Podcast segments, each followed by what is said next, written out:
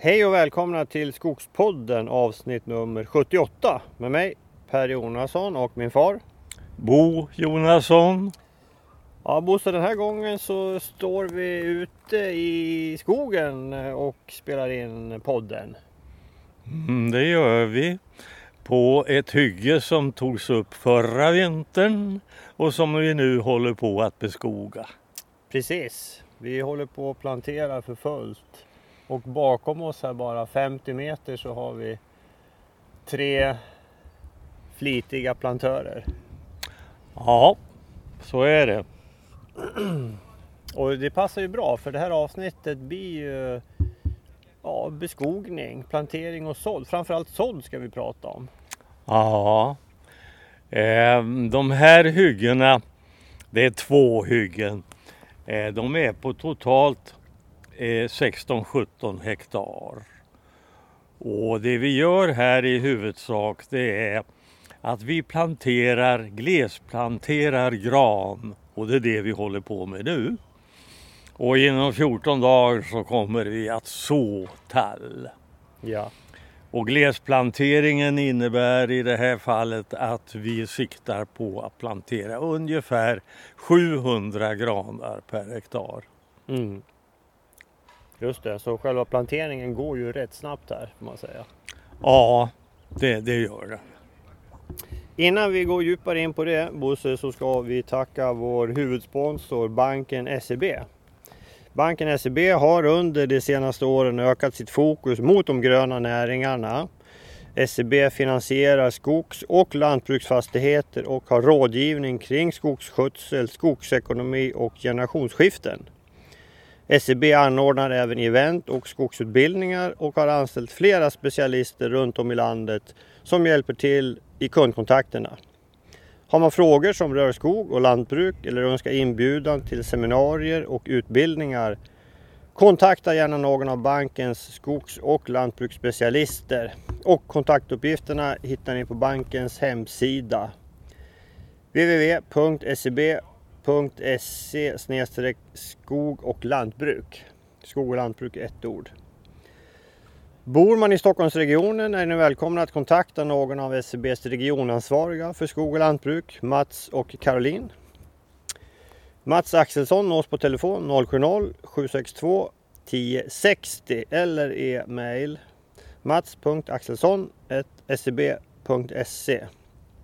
och Caroline Skarfors når ni på telefon 070 797 4329 eller e-mail caroline.skarfors.seb.se Tveka inte att ta kontakt med Mats eller Caroline om ni bor i Stockholm och vill prata skog.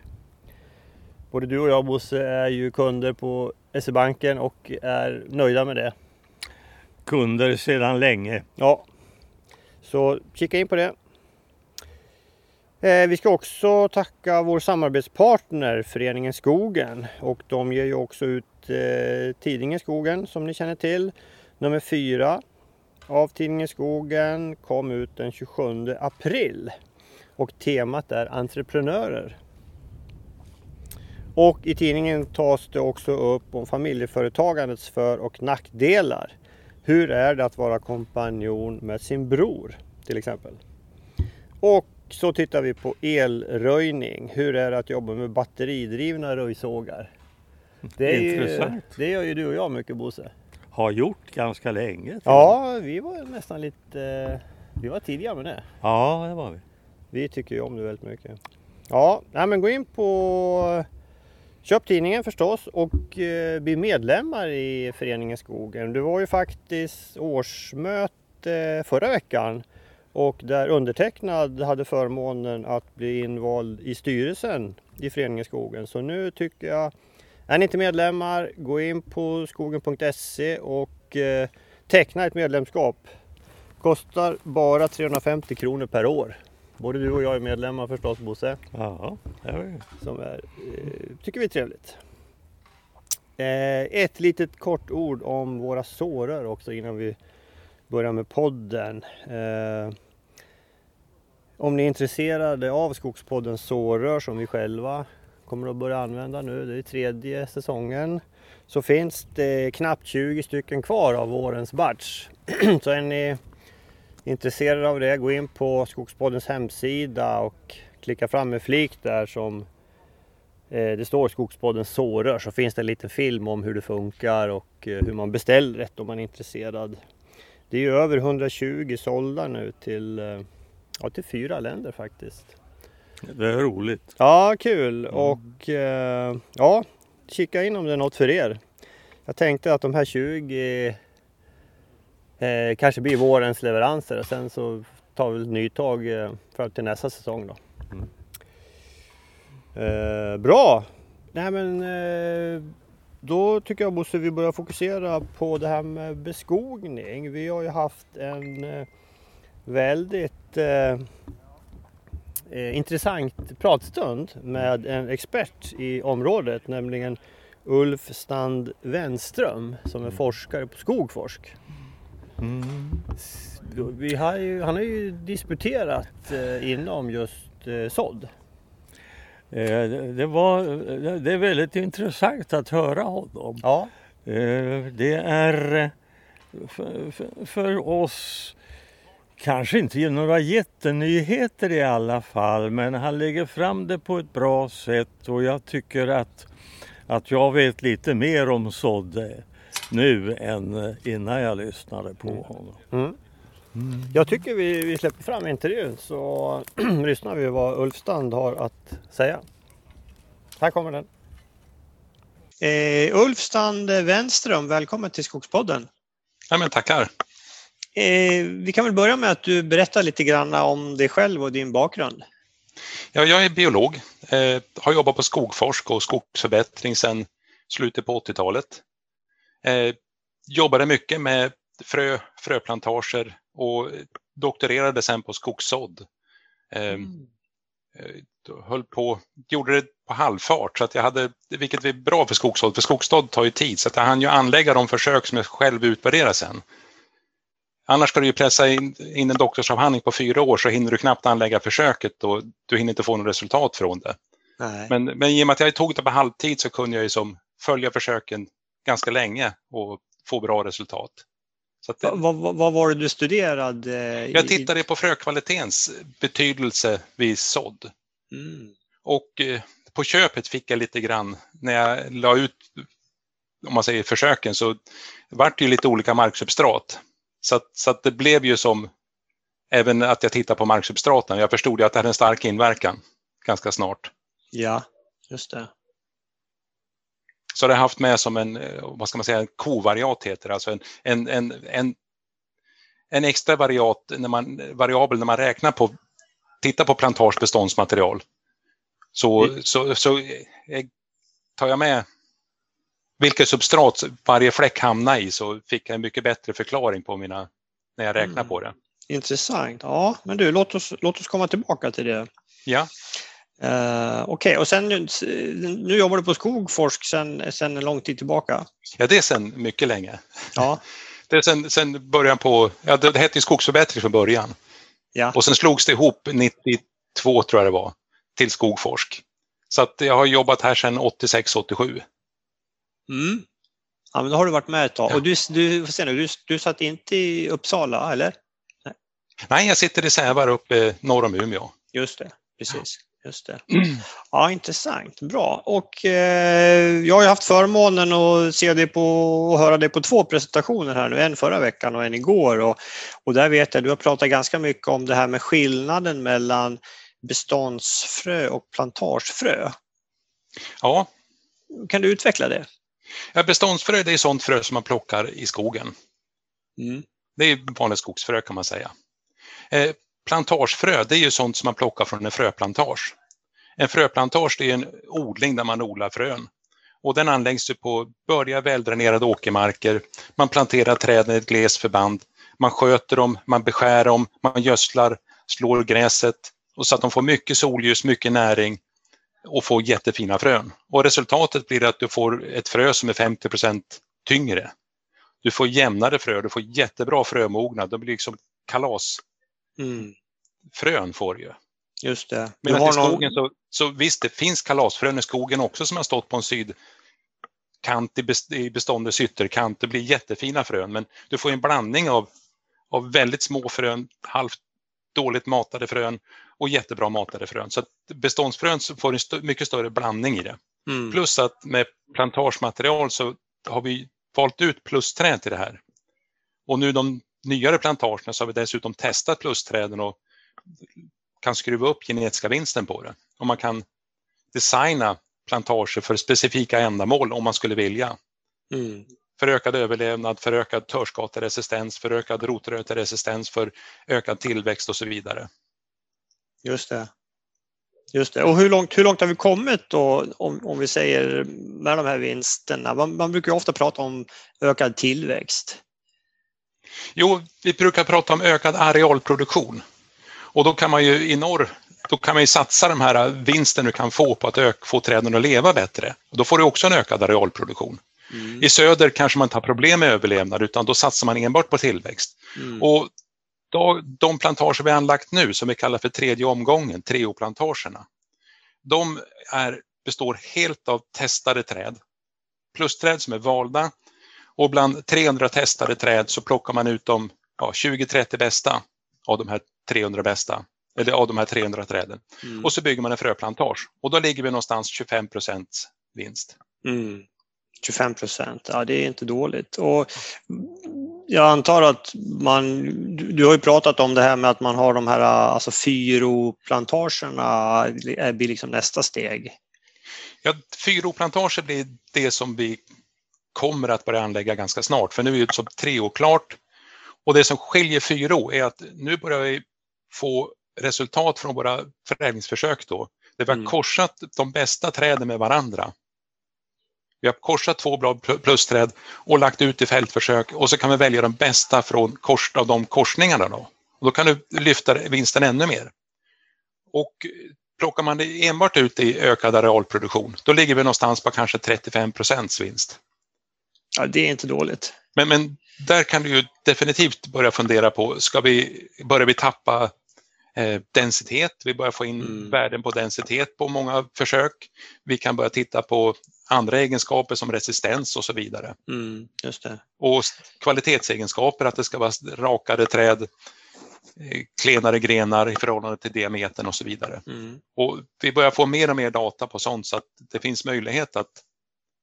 Och då, då, då plockar du lite av den här arealproduktionen och satsar på någonting annat. Du kan inte ja. få 35 plus allt annat utan då får du Nej. dra ner lite på vinsten och öka på någon annan egenskap. Just det. Är det, är det här, gäller det här både gran och tall? Det gäller både gran och tall. Mm.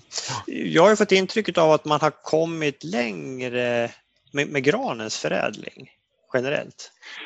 Eh, I söder har man kommit lite längre med granens förädling och det är tack vare att granen är väldigt lätt att klona. Mm. Vad, vad, tror du då, om vi tittar på några år framåt, vad, vad, tror du liksom blir nästa egenskap som man börjar jobba med att optimera? Det här med att ta fram en gran som är rötfri hör man ju talas om ibland. Jag, jag tror inte att vi kommer att få en helt rötfri gran. Eh, vi pratar ju om i, i södra Sverige då att få bort ner rotrötan, vi pratar om densiteten, vi pratar mm. om eh, ja, alltså hålla kvar virkeskvaliteten, att, att virket inte vrider sig i sågen. Då ska du ha eh, rätt fibrilvinkel och sådana här saker. Det går mm. också att förädla för. Så att du får mm. liksom ett bra virkeskvalitet från träden. Mm. Och på tall kanske grenvinkel och lite... Ja, det är samma sak där, mycket fiberegenskaper så att vi inte förädlar och bara mäter diameter och höjd på träden och så får vi bara luft i träden. Utan det gäller ju att hålla kvar densiteten på träden. Just det. Så att du inte odlar bara balsaträd till slut. Nej, precis. Och, och, det är väl det som vi vill hålla, åtminstone hålla koll på att vi inte försämrar. Mm. Utan att vi, vi håller kvar samma bra tall men den ska växa mer. Ja. Och i norr så är det mycket överlevnad förstås och, och det här med törskate som vi har på tallen i norra Sverige. Att vi mm. vill öka resistensen för det. Hur, hur ser det, hur, hur, hur, långt har vi kommit där då? Eh, där har vi sett att det finns, om man säger, en, en stor stark genetisk variation och ungefär 40 procent av, Och skillnaden i mottaglighet mellan träd beror på genetiken. Så att det finns goda möjligheter att förädla förtörsskate eh, mm. mottaglighet. Att få ner mottagligheten. Ja, man, jag tycker man läser mer och mer ofta om att det är ett stort problem, eh, speciellt i norra Sverige, att, att det även kommer på yngre tallar. Jo, det kommer, kan komma riktigt tidigt i, i åldrarna. Mm. Redan efter ett par år efter plantering kan det komma. Mm. Man har hört eh, historier om folk som har planterat och nästan på, ja när plantorna var riktigt små så har de fått det på dem. Men... Mm. Ja, otrevligt. Vi, vi har ju det i Bergslagen också men där är det framförallt på riktigt gamla tallar vi ser det. Ja.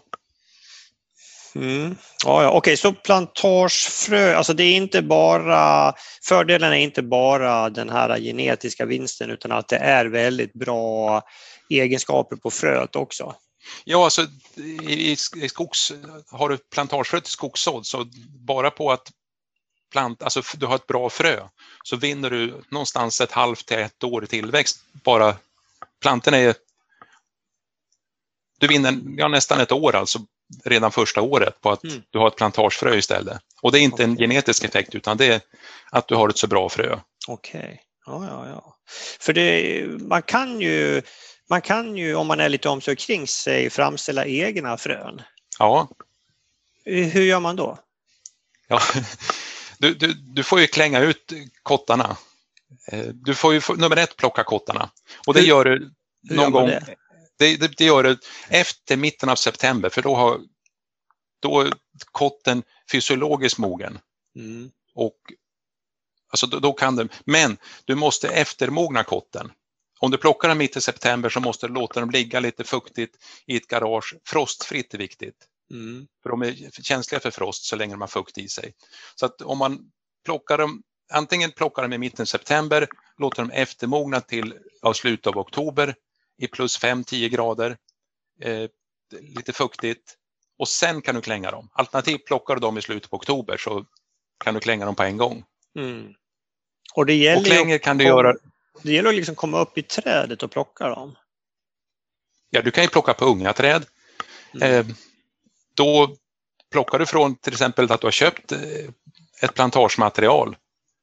Du har köpt eh, frö, eller planter från en fröplantage och planterat ut i skogen och du får bra med kott på dem. Så får du en liten del av genetiska vinsten. Ja. Är det unga träd så får du ju del, troligen till största delen pollen utifrån, men du får åtminstone halva vinsten då. Ja. Så att du, det, det kan absolut göra att få, mm. få en del av den genetiska vinsten. Mm. Eh, och du gör det att du plockar kotten, du klänger dem, alltså öppnar dem. Eh, antingen i en bastu eller i ett pannrum eller något annat varmt torrt rum. Ja. Det viktiga är att du ökar temperaturen sakta och du får inte gå över 50 grader. För går du över 50 grader, då riskerar du döda fröna. Mm. Och stoppar in dem i blöta kottar i 50 grader, ja då kokar fröna för att när de är så fuktiga så tål de inte 50 grader heller. Utan det är först när de är torra som de tål 50 grader. Ja. Och då får du ut fröna ur kottarna. Mm. Och granfrön kan du klänga på en gång så här. Mm. Nu, nu är det få som sår granfrö, men tallfrön, där måste man ofta blöta upp kottarna så de stänger sig igen. Och andra gången, ja då öppnar de sig ännu mer. Mm. Okay. Och blöta upp det gör man genom att duscha dem och låta dem duscha dem flera gånger och kanske håller på så i 8-10 timmar och låter dem stå över natten och sen kör om den här klängningen en gång till då. Ja, just det. Och men, hur, hur blir du av med vingarna då? Vingarna, de, ja det finns ju många sätt. Eh, det enklaste är om du har torr frömassa mm. och sen så blöter du upp dem lite lätt med dusch så att det blir en liten gröt. Och då om du har ett tallfrö och den här vingen, så mm. när du blöter upp det, då sväller den här vingen upp lite grann. Och rör du då om, ja, då lossnar fröet från vingen. Mm. Just det. Och sen när du har dem, vi körde förut i gamla cementblandare, så hade vi fröna i en sån här cementblandare. Och så hade man typ en omvänd, bakvänd dammsugare som man blåste istället. Just det. Och då när den snurrar runt i cementblandaren så blåser det med dammsugaren och då blåser vingarna ut. Ja. Och då får ja. du se till att du blåser lagom hårt för annars så blåser ju frön med vingar också ut. och då Ja. tappar du fröna. Du får ju vara noga att det är bara vingarna som blåser. Ja, precis. Nej, men jag vet, min, min farbo har ju berättat om det. där. Han, han brukar köra med en hår, hårfön. eh, och Ja, liksom- precis. Mm. Det kan man göra. Samma sak. Det Ja. beror på hur mycket frö man har. ja, precis. Just det. Är det. Brukar du själv eh, plocka kott och ta fram frön? Ja, ja, det gör jag ibland. Lite sådär i smyg för att ha i trädgården hemma. Ja, precis. An- Annars så kör vi ju mycket sånt på Skogforsk, alltså på jobbet. Att Ja. Vi gör ju våra korsningar och vi får ju hundratals med träd vi ska klänga var och, var och en med 10 kottar i en och 20 kottar i en och så vidare. Så Just det. Ja, det blir mycket hantering där. Ja. Men det leder oss in på, en, på, min nästa fråga. Var, varför sår vi så lite för i Sverige? Vi ligger kanske på 3-4 procent av beskogningen med sådd. ja, 4 procent. Jag tittar på eh, statistiken igår. Mm. Eh, varför? Det är väl en tradition kanske. För, förut så sådde vi mycket mer, men Ja, jag menar det. det var ju, plantering har ju ökat enormt mycket. Alltså går vi tillbaka ganska långt tillbaka, då var ju, då var ju sådd betydligt större. Jo. Och jag, jag tror att det är lite grann just det här att det, det, det är lite mer know-how. Du måste veta vad du gör för att inte misslyckas. Det är lite svårare än plantering. Plantering är lite enklare. Mm. Har du fröplantager så har vi alltid brist på det bästa fröet. Och vill du ha den här genetiska vinsten, då, då är kanske sådden, eh, ja, då måste du ha något frö där, alltså, som du har gott om frön av. Istället för att sätta två 2 500 planter på, per hektar så måste du ut med kanske 40-50 000 frön per hektar. Mm. Och då måste vi samla mycket mera kott i Sverige för att få ihop det här. Ja. Just det. Det, det är kanske svårt att få till. Va- va- vad, ser, vad ser du för, liksom för respektive nackdelar med att så jämfört med att plantera? Ja, fördelarna är ju, med sådden är att du dels får det billigt och dels kan du få väldigt stamtäta bestånd på ett billigt enkelt sätt. Och du kan dana träden. Eh, har du plockat från ett sånt här eh, ungt eh, material från en, där du har planterat med fröplantage, ja då får du en stor del av vinsten. Du får ju, kan du låta träden växa och när de växer så kommer ju de som, de här riktiga, som är plantagefrön som har blivit korsade mellan två stycken plantageträd, de kommer ju vara de som tar över till stor del. Så att det går jättebra att blanda plantagebeståndsfrö eller plocka från en sån här bestånd med plantagematerial och få den här genetiska vinsten också. Du kanske inte får den fullt ut, men låter du många träd stå tillsammans, växa och konkurrera och så gallrar du där, då plockar du ju ut hässen i leken snabbt. Just det. Jag gjorde ett försök där jag blandade plantage och beståndsmaterial. Jag höll koll på varenda frö jag sådde. Mm. Eh, och sen så gick jag fem år efter, jag mätte det varje år för att hålla koll på de här fröna så att jag inte tappar bort dem. Och fem år efter så gjorde jag en enkelställning där, så när jag hade 50-50 från början så hade jag, och om jag då lämnade den största plantan i varje fläck, så hade jag 80% plantage och Mm. 20% bestånd. Hade jag väntat längre hade jag säkert fått en ännu större skillnad. Mm. Just det. Vi har ju, när vi beskogar, vi, vi brukar ju så och sen så brukar vi ändå ha kvar eh, lite frötallar. Ja. Så då, då kan vi kanske räkna med att ja, det som blir kvar i slutänden det är det vi har sått med, med plantagefrö, gissningsvis då. Ja, Men vi skapar mycket mat till älgen under tiden då med, eh, med, i och med att vi har frötallar. ja precis. Och, och just Och sen, jag det menar, här, även, även bland beståndsfrön finns det ju bra individer. Det Ja. finns ju nya plusträd som man skulle kunna hitta till. Så att om, om man har konkurrensen och väljer ut de bästa så, så gör det ju en liten förädling där. Ja, ja men precis. Just det. Ja. Tror, tror, du, tror du själv liksom att sådd kommer att öka framöver? Eh, jag, jag tror att eh, man kommer ändå fortsätta ganska mycket med plantering. Men jag tror det finns en Mm. potential för de som är intresserade av att, av att så. Mm. Och sen just om man ser på bolag och så här så skiljer det ganska mycket mellan policy. Vissa bolag de sår mer, andra mindre och det är väl att man har byggt upp den här kunskapen Mm. och har kvar den i företaget. Ja. Och det, skil, det skiljer kanske lite grann mellan olika delar i landet också? Jo, ja det tror jag det gör. Ja. Mm. Jag har, har, haft någon känsla av att man av tradition sått mer i norra Sverige. Jo, det tror jag för att man har ju som lättare, för det är mindre konkurrens på hyggena i norra Sverige. Mm. Gräset tar inte över lika fort så att du har ett par år på dig att, att för de här sådda plantorna att, att börja växa och få fart. Mm. Och I norra Sverige så har vi mindre problem med uppfrysning. Jag, när jag doktorerade så la jag ut försök både i, i Umeåtrakten, i Dalarna och nere i Småland. Och jag hade mycket mera problem med uppfrysning i södra Sverige. För att här kommer, i södra Sverige så kommer vintern och går hela tiden. I mm. norra Sverige kommer snön att lägga sig som ett lock så du kanske får ett par uppfrysningstillfällen på hösten. Sen mm. kommer snön och skyddar plantorna ända till våren. Ja. Medan i södra Sverige så, ja du får ju oräkneligt antal tillfällen med uppfrysning. Mm. Just det, och där, får man, där kommer inte snön som ett skyddande täcke heller. Nej, inte alltid. Nej. Mm, intressant. Ja. Har du tittat någonting på, på det här med liksom vilk, upp till vilken bonitet kan man så tall? Nej. Nej. Nej, men det kan, det kan ju vara en diskussion ibland. Oskar snuddade lite grann vid det, eller ja, han tittar ju på det ganska mycket, men just det här med, som du säger, med, med konkurrensen från gräs ja. är ju många som anser att ja, men det, det kan bli ett stort problem. Ja. Nej, men, men, men, men, då tror jag att man får ta till med någon skärm eller något sånt där. Mm. I, vi hade försök i Småland med och utan skärm och utan skärm så gick det åt fanders. Det vart okay. inte en, en planta och då var ju gräs och uppfrysning. Medan hade vi en skärm så skyddade vi både dämpade vi gräset och vi minskade uppfrysningen. Mm. Så det gick mycket, mycket bättre under skärmen i Småland. Intressant. Vad hade du, vad hade du för skärm då? då? Ja, det var en 50-75 träd per hektar. Mm. Mm. Ja. ja, men det är bra. Just det. Ja. Mm.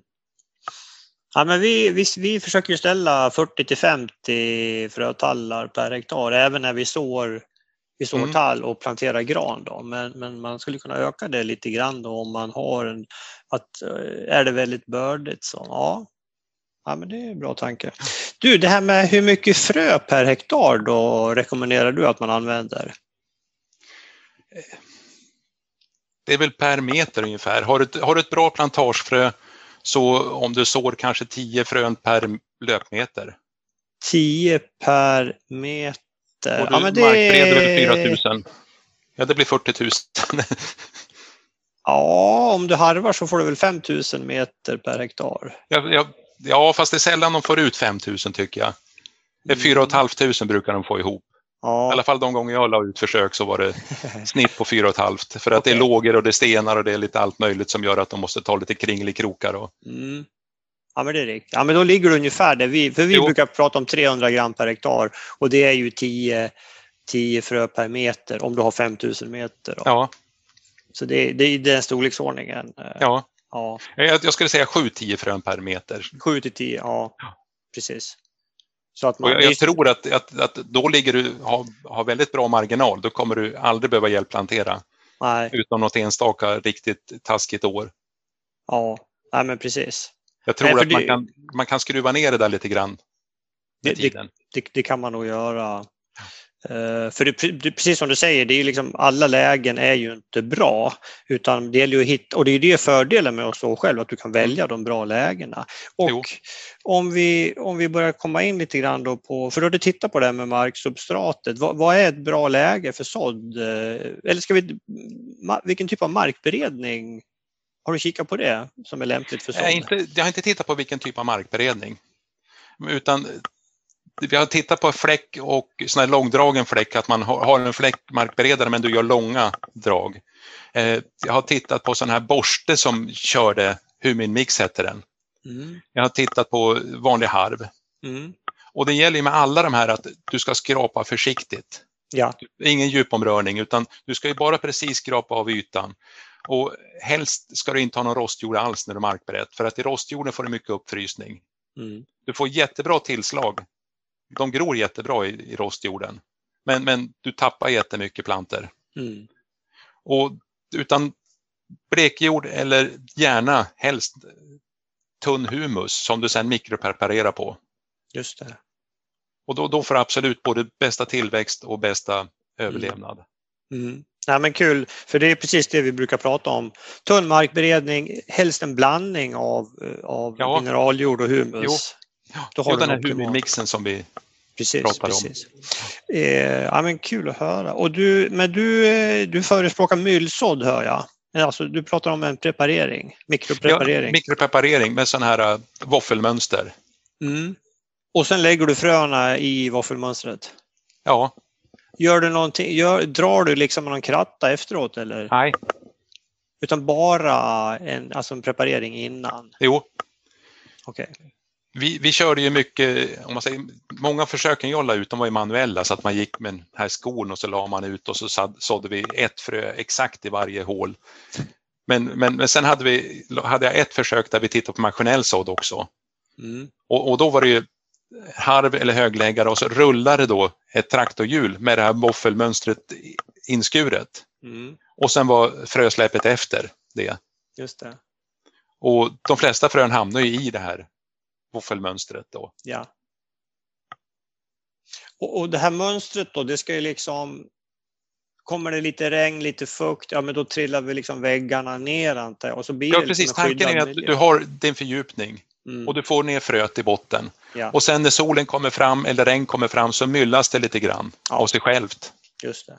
Det är ju tanken. Det det är Och det, det var till och med så att vi fick effekt av, mark, alltså av den här äh, mikroprepareringen på helt omarkberett. När vi föll, gjorde uppföljningen på efter maskinella markberedningen så delade vi upp det i olika substrat som var. Mm. Och vi fick till och med effekt av, av mikroprepareringen på helt omarkberedda delarna då. Ja, ja, Så att ja. vi fick en ökad till plantuppslag där men ja. det var inte många som, som överlevde där. Eller som Nej, grodde. Och, men, men har, har du jämfört då där du liksom har sått utan den här eh, mikroprepareringen respektive med mikropreparering? ja, vi jämför ju det. Och, och vad fick du för resultat där då? Ja, ungefär 30% högre tillslag med 30 mikropreparering. 30 procent högre? Ja. Ja. Så Intressant. du kan spara 30% frö med mikropreparering. Mm. Ja. Ja, men vi, vi, jobb, vi jobbar ju med båda, men vi, alltså, det mesta vi gör är faktiskt ytsådd eller det som kallas för rad. Mm. Alltså vi bara lägger ut fröna på ytan. Ja. Det, det, är ju, det är ju väldigt effektivt. eh, Det går fort och är smidigt. Men, men ibland får man ju ta till eh, den här myllningen som du säger Ja. för att, om det inte går så bra. Ja, intressant. 30 procent. För den siffran har jag... Vi, har, vi vet ju om att det är bättre men vi har inte riktigt eh, fast koll på hur, hur mycket. Mm. 30 procent låter rimligt. Eh, vi brukar ju prata om det här med att så utan markberedning, alltså på vitmossa där du liksom har en ytfuktig Ja, mark. Har du kikat någonting på det? nej. Jag har ju tittat, om man säger, jag var ju mest intresserad av frökvaliteten. Ja, Så att jag vill ju hålla koll på varje frö jag sådde och då var mikropreparering ett jättebra Mhm. verktyg för då, då får de på 4 cm förband. just Och så kan du följa varje frö och du kan göra en blandning av frön och ja, de, de ligger ju i sina fördjupningar då. Mm, Någon gång händer det att det kom ett slagregn och förstörde några ytor, men då, då var de förstörda. Men, mm, men i de flesta fall så låg de kvar på sin plats så, så att man kunde följa dem. ja. Ja, just. Ja, men vi, vi har ju testat att så direkt i vitmossa och det, det har vi ju sett bra resultat ifrån också. I vitmossan alltså? Ja. Ja, inte laven utan Nej, nej, utan Okej. vit, vitmossa. Ja. Ja. Och, och, och gärna så lite yt, ytfuktig. ja, Eh, Okej, just det. Ja, mm, intressant. Vad, eh, det här när man sår själv, eh, hur, hur kan man tänka när det gäller proveniens? Eh, med proveniens så jag skulle rekommendera det här verktyget plantval vi har. Ja, Eh, jag har jämt sått några försök när vi hade ganska många provenienser och ganska stor spridning och vi planterade samma försök med samma material. Och vi fick exakt samma, om man säger rangordning mellan partierna, hur de växte. Jag följde det i 20 år. Så att hur de växte, hur de, vilka partier som var mest lämpliga för sådd och plantering och det var samma rangordning planterat och sått. Okej. Okay. Just det. Så, så plantval och den, det, det, finns ju på Skogfors hemsida har jag för mig. Det finns på Skogfors hemsida ja. Mm, det är bara att söka plantval tall och så hittar man. Just det. Ja, ja bra. något annat när det gäller sådd för den för den privata skogsbrukaren som vi inte har pratat om. Det finns ju en del, det här med maskinell sådd när man sätter på ett aggregat efter en markberedare och så sprutar de liksom ut frön. Jo. Eh, vad, vad, tror du om det? Ja, det används ju väldigt mycket här i norra Sverige. Mm. Och att man gör det, om man säger antingen så så gör, man, så gör bolagen det själva eller så gör de det på uppdrag av den när de köper skogen. Att du, du säljer ju skogen många gånger med en återväxt. Antingen ja. får du den planterad eller så får du den sådd och då kan du be att få den sådd. Mm. Och då är det ofta maskinell sådd mm. som, man, som erbjuds då. Ja. Och det görs i samband med markberedning och kostar en liten slant extra för själva sådden då. Är det en bra metod eh, tycker du? Jag tycker det är en jättebra metod. Mm. Mm. Jag har hört eh, att det är många som när, när mikroprepareringen kom så var det många som hängde på ett mikroprepareringsaggregat. Sen är det många som har plockat bort det för de ifrågasätter hur, nyttan av det. Men jag vill absolut säga att du, du kommer tappa 30 procent av fröna som inte gror. Så att du, du sparar mycket fröpengar på Okej, okay, de, har, de har alltså någon form av hjul efteråt? Ja, det här mikroprepareringshjulet som mm, jag sa. Okay. Som, mm. som rullar efter markberedaren mm. och så, som sen då hänger en frö, eh, matare efter den och släpper ut frön. Ja. Så att, men, men ja, ja, ja, du kan spara mycket frö med en sån. Mm. Men det beror på om det, vem som betalar fröna. Jaha, just det. Och det här med, eh, en del gör ju det här på hösten och en del gör det på våren har jag förstått. Har du tittat på någon skillnad där? Eh, jag har inte tittat, jag har sett någon finsk artikel där man tittar på höstsådd och det har gått riktigt bra. Mm. Och där tror jag också lite grann det här, har du det här skyddande snötäcket mm. i norra Sverige, eller där, de liksom, där fröna kan ligga torrt. För att ett tallfrö, om du sår det på hösten och det tar upp vatten så är det känsligt för frost. Mm. Kommer det snö tidigt, då kan det skydda de flesta fröna mm. och då går det riktigt bra.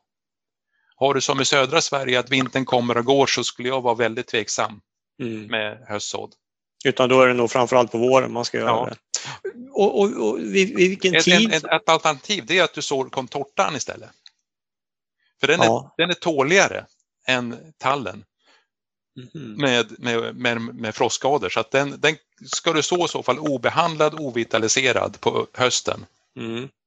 Och då kommer den vitaliseras under vintern. Du kommer få, upp, få den här fukten, den kommer vara färdigvitaliserad och kommer att gro jättefint på våren. Ska du så contorta på våren, ja, då måste du ha en vitaliserad contorta, för annars, den har som en dormancy, alltså en mm. frövila i sig. Okay. Så den måste få den här behandlingen för att kunna bryta den här vilan och gro. Annars mm. kommer du ha väldigt mycket eftergroning, du kommer gro under två år. Några frön gror första året och andra gror på hösten och några gror år två och så vidare. Mm. Ja, det var nytt för mig. Vi använder ju inte contorta i, här i södra Sverige. Nej. Det var någonting med sånt. Det var om det fanns någonting mer att göra, var du inne ja, på. Ja, precis. Om det fanns något mer att göra.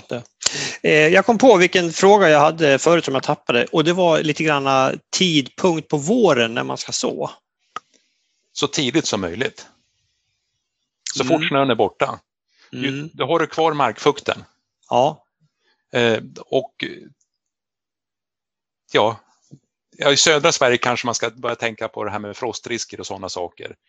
I norra Sverige så är det bara att köra så fort snön är borta för att enstaka froster är, okej okay, men mm. i södra Sverige kanske man ska, det ska ju komma upp i marktemperatur också.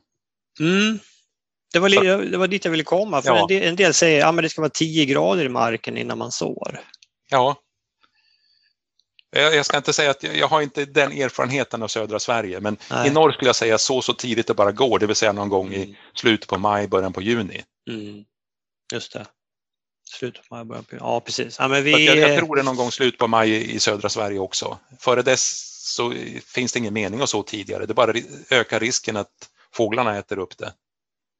Ja, vi, vi, försöker, vi försöker så så tidigt som möjligt och det är ju i år till exempel så siktar vi på att börja nästa vecka, det vill säga okay. ja, 19 april. Okej. Okay. Eller ja, den veckan, ska jag säga. Ja. alltså runt säg 20-25. Okej. Okay. Eh... Ja, det kan säkert gå bra. Mm. Men det är klart, alltså är man för tidig, risken då är väl som du säger då att ja, har du otur så, så kom, kan det komma fåglar, även om vi har nog inte sett det, men man, man hör ju talas om det ibland. Ja, det kan komma fåglar, och, men jag har haft problem med det någon gång, men jag har å andra sidan lagt ut försök och gör man ut såddförsök, då märker du varenda såddfläck med vita plastpinnar för att du ska hitta igen dem så att ja. du, du gör dukat bord för fåglarna. Ja, precis. Ja, ja det är riktigt. Du talar om för dem att de har ganska snart lärt sig att flyga till den där vita pinnen så, så hittar jag frön. Där så finns att, det mat, ja. ja, men en vanlig markberedning så kanske problemet är inte lika stort. Ja. Och sen Nej. kommer ofta fåglarna, största risken är just när de gror, att de sticker upp. Att mm. fåglarna då käkar upp dem, för det har jag ibland hittat. Man hittar bara pinnen av fröet. Själva ovandelen ja. med barren är uppäten. Okej. Okay. Ja, och det tror jag är fåglar som ja, käkar upp dem. Vara.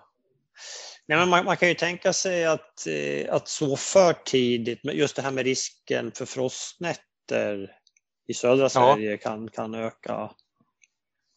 Eh, men samtidigt så har man ju den här fukten i marken. Så vi, sådde ju, vi sådde ju sommaren 2018 var ju extremt torr i, i stora delar av Sverige, även i Bergslagen. Ja. Men vi, där sådde vi ganska tidigt, det var en sen vår. Vi, vi sådde i början på maj och det, det var, snön hade precis försvunnit. Men den sådden gick ju bra och jag, jag tror att det beror på att det var så pass fuktigt i marken då. Sen blev det ju Precis. Eh, snustort liksom, jo. juni. Ja. ja, så det där är liksom en avvägning då. För jag menar, väntar man för länge på våren då, då kanske man kommer in i en sån här torrperiod och då, eh, ja, då kan det bli tufft. Ja. Mm. Så, så, men, men tidigt, men, men, men eh, samtidigt inte för tidigt, helt klart är din rekommendation och så? Jag, jag har ingen stor erfarenhet av södra Sverige, men Nej. i norr skulle jag säga definitivt så tidigt det bara går. Och i södra Sverige så har jag en liten försiktighet med, alltså kan man så för tidigt, det vet jag inte. Nej. De behöver ju en 12-13 grader för att de ska gro.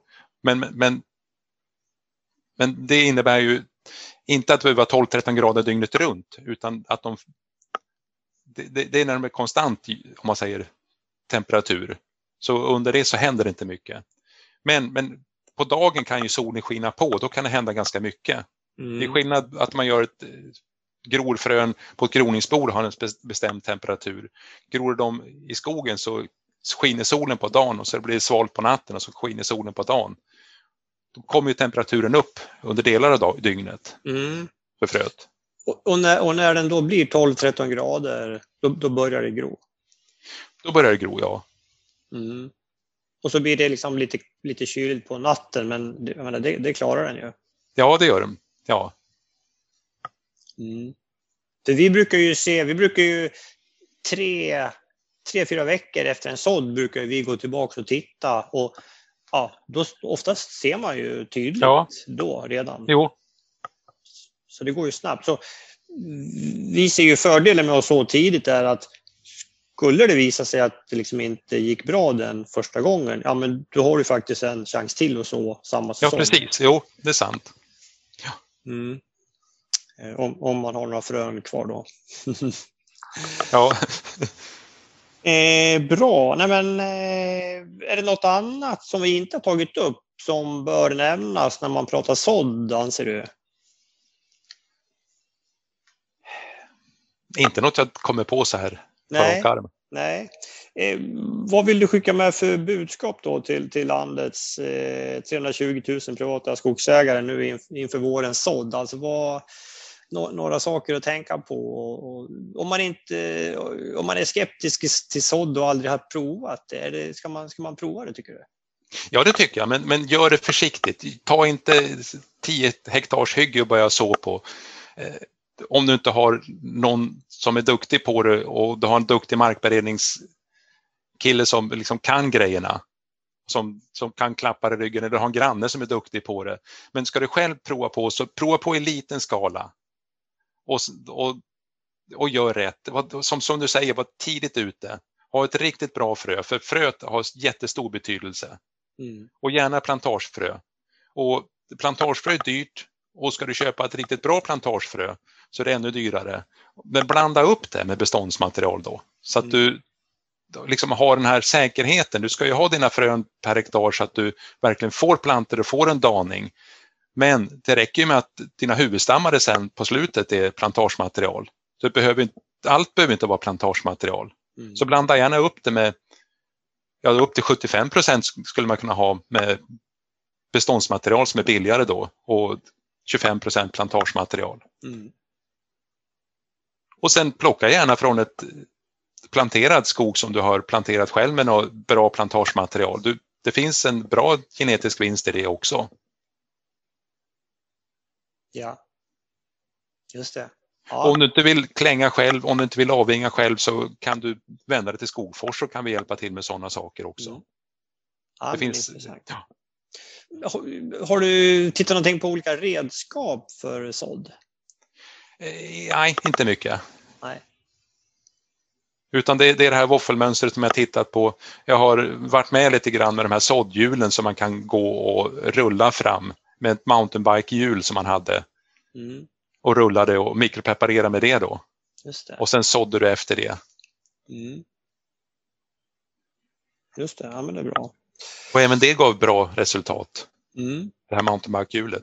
Just det, man får skicka, skicka fram en cyklist där och cykla där. I... Ja, du kan hänga såddaggregatet bak på cykeln och så cyklar du dig fram. Det är bra. Då får, då får du motion samtidigt ja. ja.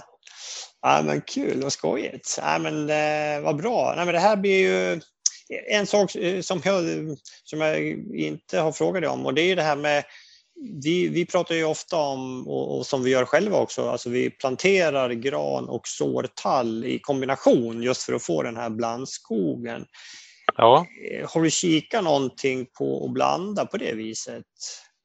Eh, inte gran och tall. Jag har sett ganska mycket resultat från, jag har sått lite grann gran, ja. Mm. Och det blir ett bra resultat första året. De gror lika bra som tallen. Mm. Men på längre sikt så, så försvinner granarna. Mm. Och eh, jag sådde under skärm med gran och det, det gick bättre. Ja. Att de, granar gillar inte hyggen. Och ska Nej. du ha dem på ett hygge så då får du liksom ha en stor rejäl planta så, så kanske de fixar hyggesfasen bra. Men mm. sätta ut en liten granplant, alltså ett litet frö på, på ett hygge, det gillar inte granar. Nej.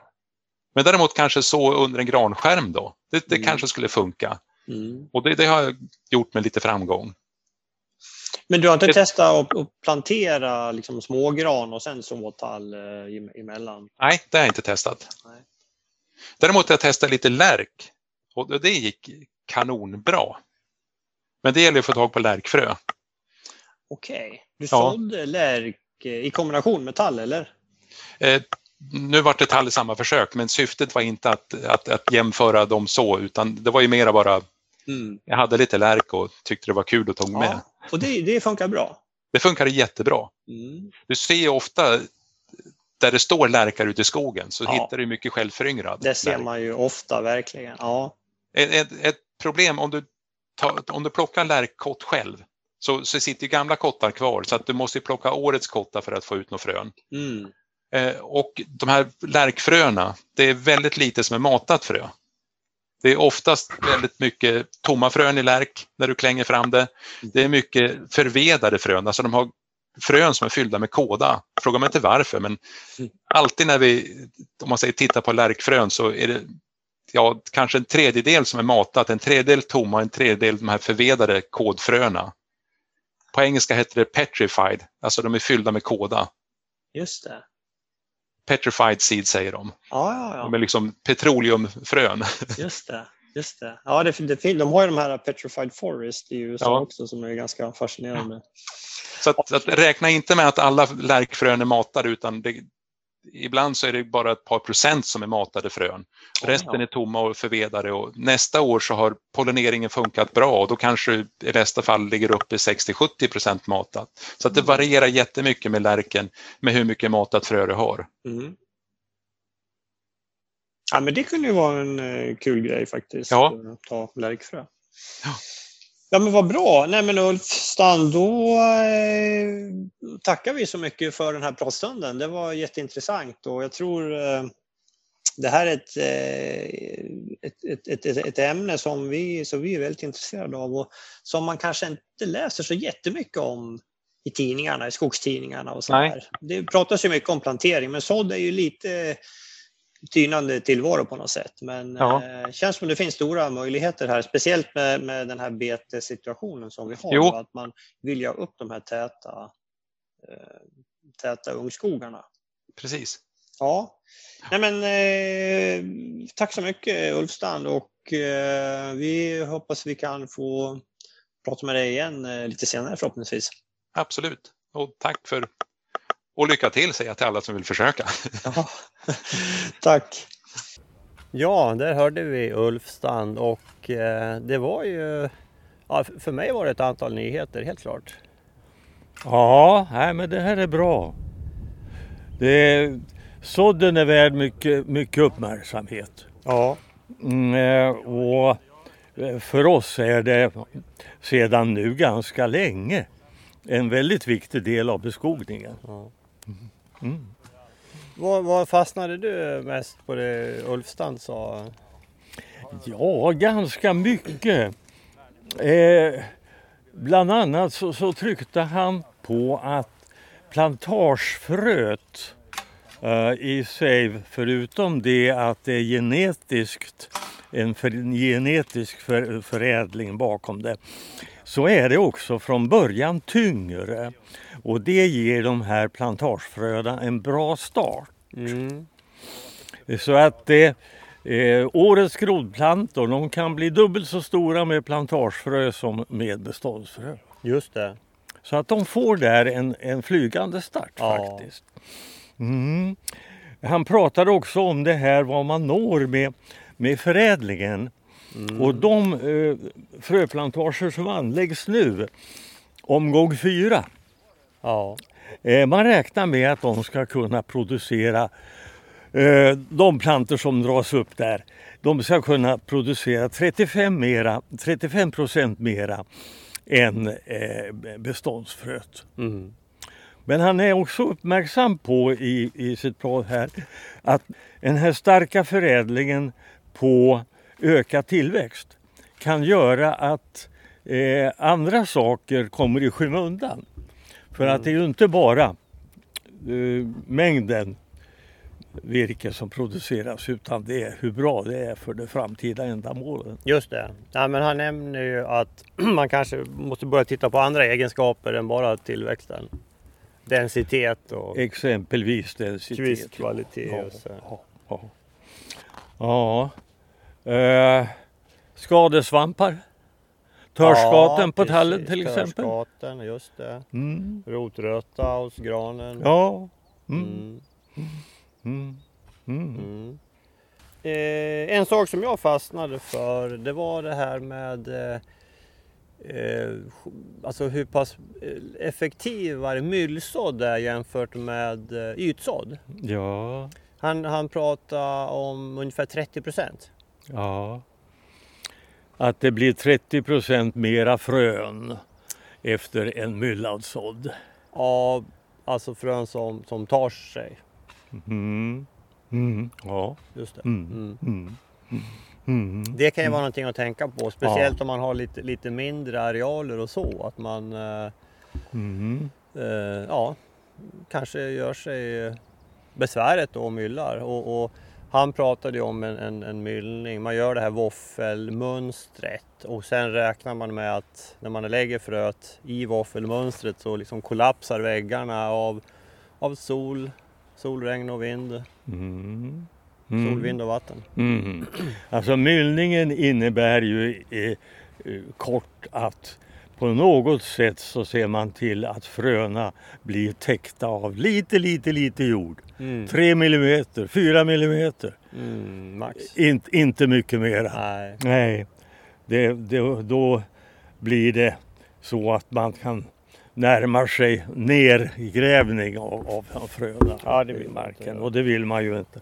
Nej. Men, och det här kan då göras antingen med det här våffelmönstret eller med att man handgripligt med en liten, liten mjuk kratta eller något Mm. annat redskap lägger lite jord ovanpå fröna. Det. Och, och, och det här är ju ett sätt att, att få till en, jag skulle säga nära nog hundraprocentig sådd. Alltså. Ja.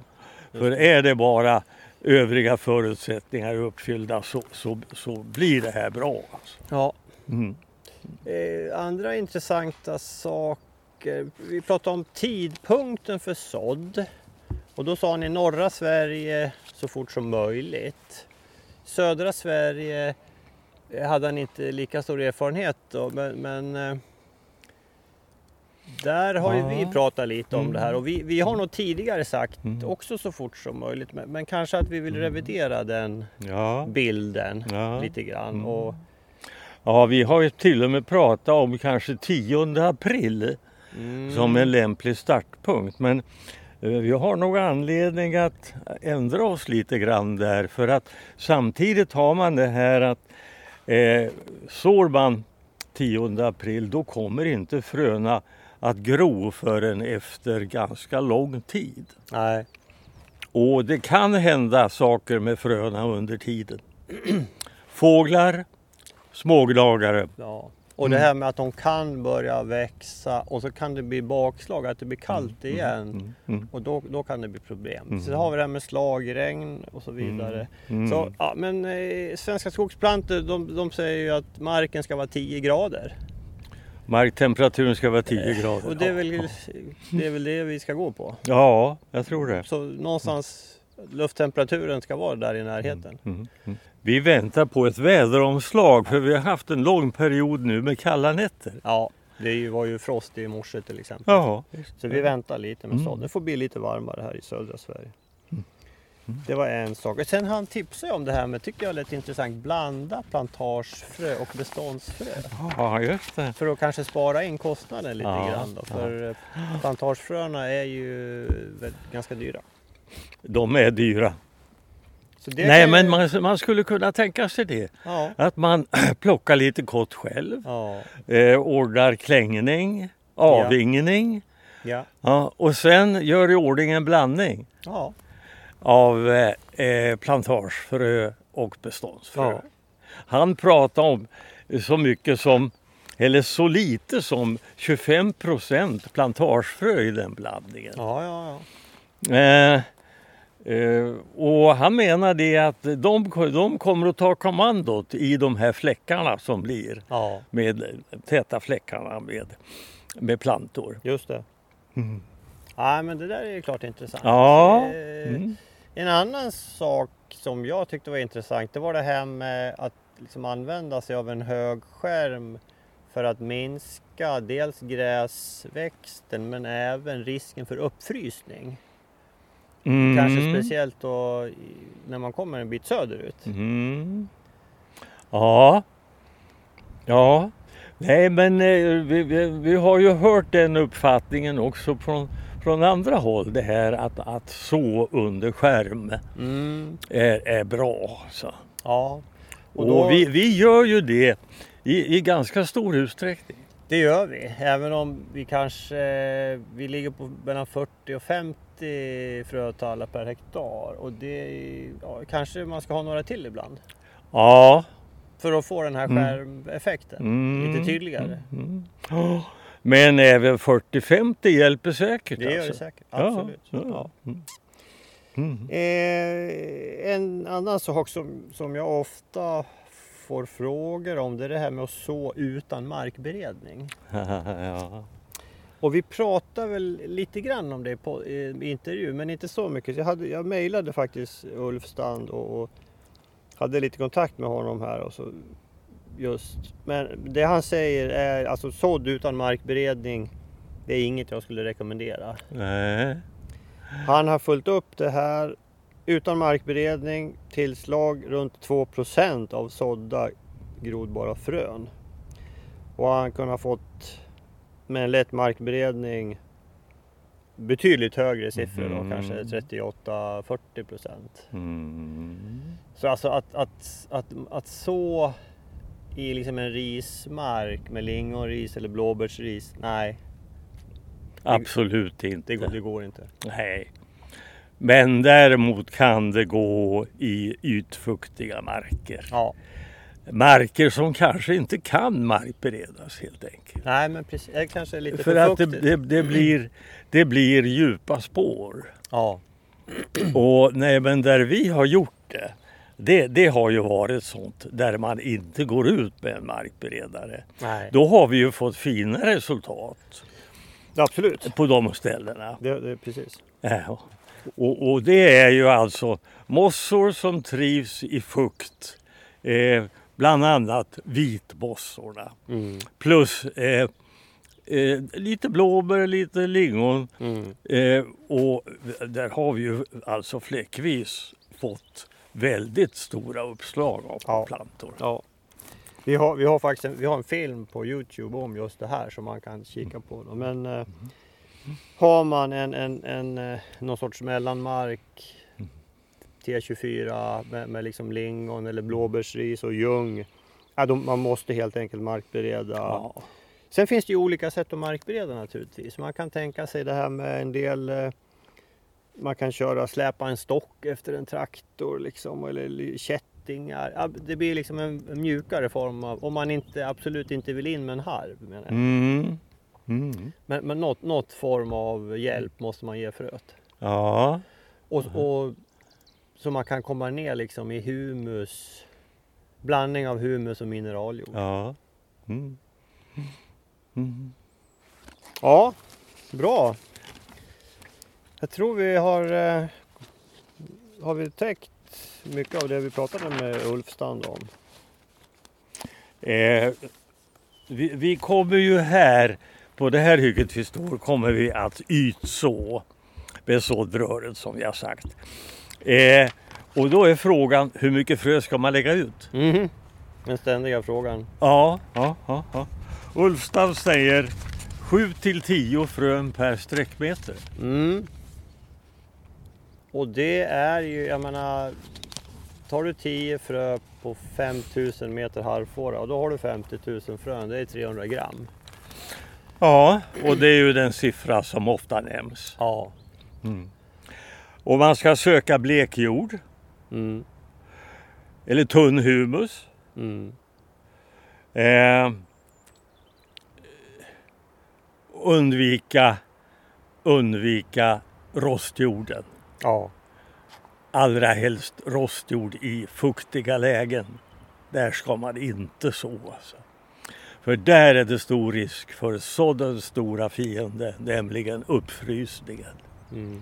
Det som kan få en sådd att misslyckas, det är uppfrysning. Jag såg igår morse pipkrake här i rostjord. Det har du gjort. Ja. Ja. ja. Mm, mm, mm. Eh, och jag menar Mm. det här med, vad sa vi, 7 till 10 frö per meter. Det är ju inte så att man sår varje meter utan man letar ju de bra lägena. Så det, det kanske inte blir 300 gram riktigt. Nej, kanske det, inte gör det. kanske blir lite mindre. Ja. Vilket inte gör någonting. Nej. Nej. Nej, och just att hitta de här rätta fläckarna att så på alltså. Mm. Det, det är kunskap som bör spridas. Mm. Och, och den som inte sitter inne med det bör göra vad den kan för att öka sitt kunnande på den punkten. Alltså. Mm. För det är skillnaden mellan fiasko och succé. Alltså. Ja. Mm. ja, bra. Jag tror faktiskt att vi har eh, täckt in rätt mycket. Ja, men innan vi slutar helt så ska vi tacka vår huvudsponsor banken SEB. De eh, satsar hårt på de gröna näringarna, har anställt mycket folk inom skog och lantbruk och eh, kika in på www.seb.se skog och lantbruk och hitta din närmaste kontaktperson. Bor du i Stockholmsregionen, ta kontakt med Caroline Skarfors eller Mats Axelsson. Mm. Ni hittar deras kontaktuppgifter på eh, Skog och lantbruk också. Eh, och eh, Föreningen Skogen som kom ut nummer fyra av tidningen Skogen 27 april. Kika på det numret. Vi kommer att läsa det och eh, vi kommer att läsa om de batteridrivna röjsågarna som vi själva använder mycket av som vi gillar. Mm. Bra, då eh, tror inte vi har något mer att tillägga. Eller vad säger du Bosse? Då får vi återgå till planteringen. Det ska vi göra och det är inte så mycket kvar nu. Vi, eh, vi har nyss tagit en fika här och vi har, vad kan vi ha kvar att göra tror du? Det är, inte, det är någon hektar, inte mer. Nej, det är nog inte mer. Nej, och vi är alltså vi är fem personer nu så det här, det här fixar vi fram till lunch kanske. Nej. Så jag vill bara säga en liten sak om den här platsen vi står på. Ja, Vi står i, i sluttningen av en kulle där vi har ställt kvar eh, cirka 150-åriga tallar i ett glesbestånd. Ja. Och där vi inte kommer att göra någonting utan det här, det här är eh, det här får stå tills vidare. Helt orört. Vi har inte markbrett, det gör ingenting. Och eh, 30-40 meter ifrån oss så har vi ett hygge från 1998. Det beskogades 1999. Såddes en tät ung skog som är röjd en gång och stamkvistningen eh, är påbörjad och ska fullföljas förhoppningsvis under det här året. mm. Eh, eh, den, den är tät och stamrik och rakvuxen och bra kvalitet. Här finns mycket gammal älgbete men här är så mycket stammar så det spelar ingen roll. det är en riktigt fin skog. Mm. Sa inte du Bosse också att generationen innan var en ganska risig granskog? Ja, det var en förfärligt tråkig granskog. Det, det blev en väldigt stor andel massaved när vi avverkade det där. Mm. Eh, Jag skulle kunna gissa att, att det var 70 procent massaved. Åh tusan. Ja, ja. Det var inte bra alltså? Nej, nej. På vilket sätt var den dålig då? Ja, jag vet inte vad som historien där men det kan ha varit så här att det hade varit ett tallbestånd med underväxande gran. Mm. Kanske avverkade man tallarna Mm. och, och, och de här de granarna, nej, de, de var förfärliga. Alltså. För det här ser ju väldigt fint ut, eh, Det här är- beståndet. Det här är, är väldigt, väldigt bra. Det är tätt och det är, eh, de är raka Mm. och vi har ju valt ut 200-300 stammar per hektar som är stamkvistade. Ja, ja. Vi, bör, det här, vi gjorde ju det, det, det är ju tre, fyra år sedan eller, eller om till och med fem år sedan vi stam, stamkvistade första gången. ja, jag skulle nog tro att det är fem. Ja. Vi kallar det för Sisyfos-beståndet för det tog aldrig slut. Nej. Nej, det var Kommer du drygt. ihåg det? Ja, jo, jag kommer ihåg det. Ja men det är vackert. Hela platsen här och de här tallarna är ju magnifika. De är Mm. Riktigt eh, kraftiga. Vi, vi, vi var ju någon som vi borrade i, det var ju 150 år. Ja, 147 om man ska vara väldigt noga, men det är tre år sedan. Så. Ja. Ja. Så det här, det här får ju stå kvar. Det blir någon Mm. form av hänsynsyta. Mm. Så det är ju skojigt. Mm. Har inte sett någon törskate heller faktiskt. Jag tror vi var ganska noga med det när vi valde ut de här träden. Ja. Ja men det är skojigt. Och man har ju som sagt en fin utsikt här över eh, Mm. berget här också. Ja. Ja, Mm. kul! Lycka till med alla beskogningar, eh, Ja. sådder och planteringar. Och, så, så hörs vi om en månad igen. Ja. Tack så mycket för oss! Tack för idag!